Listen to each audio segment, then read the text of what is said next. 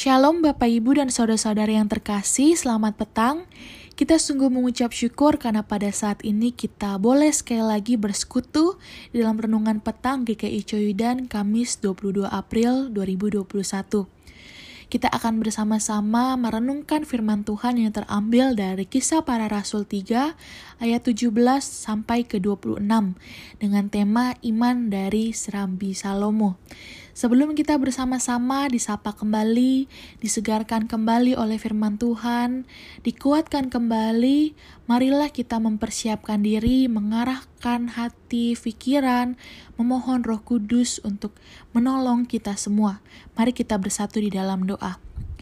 Kami mengucap syukur ya Tuhan atas penyertaan Tuhan di dalam kehidupan kami, terkhususnya pada hari ini di mana kami boleh melaluinya dengan tetap berada di bawah kasih setiap penyertaan Tuhan.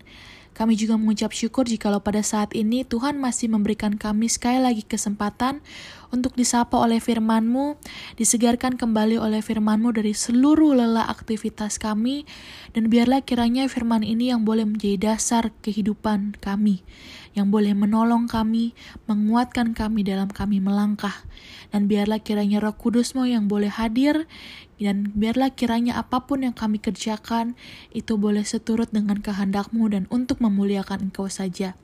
Inilah kami ya Tuhan, kami siap untuk merenungkan firman Tuhan dan juga melakukan firman Tuhan di dalam kehidupan kami. Amin. Bapak, Ibu, dan saudara-saudara yang terkasih, ada sebuah ungkapan dari John Calvin yang akan menjadi penghantar bagi kita semua untuk mengerti perkataan Rasul Petrus di dalam kesaksiannya.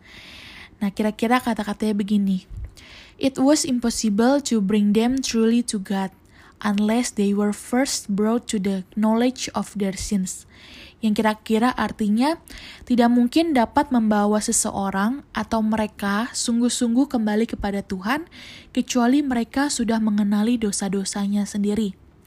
Itulah ungkapan dari John Calvin yang akan menjadi penghantar bagi kita semua untuk mengerti perkataan Rasul Petrus dalam kesaksiannya setelah peristiwa mukjizat di bait Allah pada perikop sebelumnya. Nah, banyak orang terheran-heran dan terpukau oleh mukjizat itu. Namun dikatakan tidak ada yang menanyakan dari manakah kuasa kesembuhan itu berasal. Nah, Petrus memanfaatkan momen ini sebagai suatu kesempatan untuk bersaksi tentang kuasa Yesus yang menyelamatkan. Sesudah kebaktian doa dan persembahan kurban, Petrus dan Yohanes bersama dengan orang yang baru saja disembuhkan dari kelumpuhannya itu, masuk terus hingga mencapai sisi timur dari pelataran untuk bangsa bukan Yahudi yang dinamakan Serambi Salomo. Nah, Bapak Ibu dari atas sana Petrus mengatakan bahwa kuasa itu bukanlah datang dari dirinya, bukan datang dari kesalehan dirinya, tetapi ialah datang dari Yesus yang kudus dan benar yang dahulu ditolak dan diserahkan kepada Pontius Pilatus karena ketidaktahuan orang-orang. Ia yang memimpin kepada kehidupan dan bangkit dari antara orang mati. Petrus menyadari bahwa apa yang dikatakannya belum tentu dapat dipahami secara utuh dan diterima oleh banyak orang pada kala itu. Tetapi baginya tidak menjadi soal. Yang terpenting adalah bagaimana mereka dapat mengenal Yesus dan karya keselamatannya. Memang mewartakan hal semacam ini tidaklah mudah, apalagi pada masa Petrus waktu itu. Sebab dibutuhkan keberanian yang besar dan bahkan mungkin nyawa yang akan menjadi taruhannya. Tetapi Petrus sekali lagi tidak mempedulikan dirinya sendiri ataupun keselamatannya bahkan ia sepenuhnya menyerahkan hidupnya kepada Allah dan kekuatannya untuk berkhotbah untuk bersaksi pada waktu itu ialah berasal dari Allah sendiri.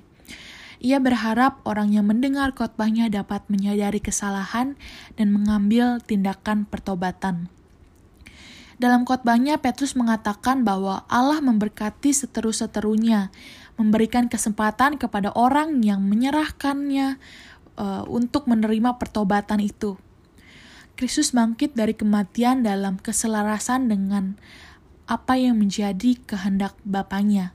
Kematian Kristus adalah penggenapan janji Allah. Bapa sangat memuliakan anaknya sehingga anaknya bisa menerima semua berkat rohani di dalam hakikat surgawi daripada pengikutnya. Tuhan memberkati hati para pendengar yang sudah siap Bapak Ibu dan saudara-saudari. Membawa mereka kepada pertobatan dan juga perubahan hidup.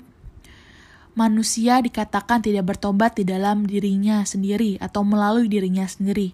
Namun karena ada roh kudus yang menolong. Kalau manusia tidak bertobat dari kejahatannya dan meninggalkan semua kekejiannya, dikatakan ia tidak akan pernah bisa masuk ke dalam persekutuan dengan Kristus. Allah menghendaki kita untuk berbalik kepadanya dengan penuh kesiapan dan juga kerelaan. Ia mulai bekerja di dalam kehidupan kita, di dalam kehidupan saya, dan juga Bapak, Ibu, dan saudari ketika kita mau untuk membuka diri, untuk menerima pemulihan akan segala sesuatu di dalam kehidupan kita. Seperti yang dikatakan oleh Calvin, dan juga diteladankan oleh Rasul Petrus bahwa orang yang mau kembali kepada Allah ialah orang yang sudah terlebih dahulu mengenali dosa-dosanya, terlebih dahulu mengenali dirinya dan bersedia untuk berbalik kepada Tuhan dan diubahkan. Lalu pertanyaannya saat ini sudahkah kita meninggalkan dosa-dosa kita dan berbalik kepada Tuhan? seperti Petrus yang kehidupannya berbalik dari penyangkalan kepada kekudusan, dari ketakutan kepada keberanian untuk bersaksi, kita juga diutus untuk melakukan hal yang serupa Bapak Ibu dan saudara-saudari. Jika dahulu ketidaktahuan membuat banyak orang berada di dalam jalan yang salah, saat ini dengan penuh pengetahuan kita melangkah kepada Kristus oleh karena itu, selamat menghayati dan menghidupi iman dari serambi Salomo itu di dalam kehidupan kita. Kiranya Tuhan yang memampukan kita semua, menguatkan kita semua untuk semakin mengenali diri kita dan juga untuk berbalik kepada Dia. Mari kita bersatu di dalam doa.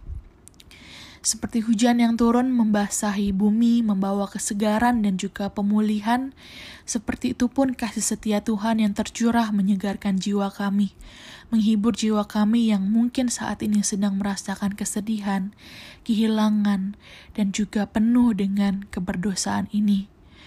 Kiranya Tuhan sendiri yang mau untuk memimpin kami dan menjauhkan apa yang jahat dari kehidupan kami karena kami percaya bahwa Allah yang menyertai sejak semulanya akan terus menyertai kami hingga akhir kehidupan kami. Inilah kami ya Tuhan, kami menyerahkan seluruhnya hanya di dalam tangan pengasihan dan juga pertolongan Tuhan. Amin. Selamat menjalani kehidupan bersama-sama dengan Tuhan di dalam kebenaran Tuhan dan juga biarlah kiranya kehidupan kita boleh semakin berkenan kepada Tuhan. Selamat beristirahat, Tuhan Yesus memberkati.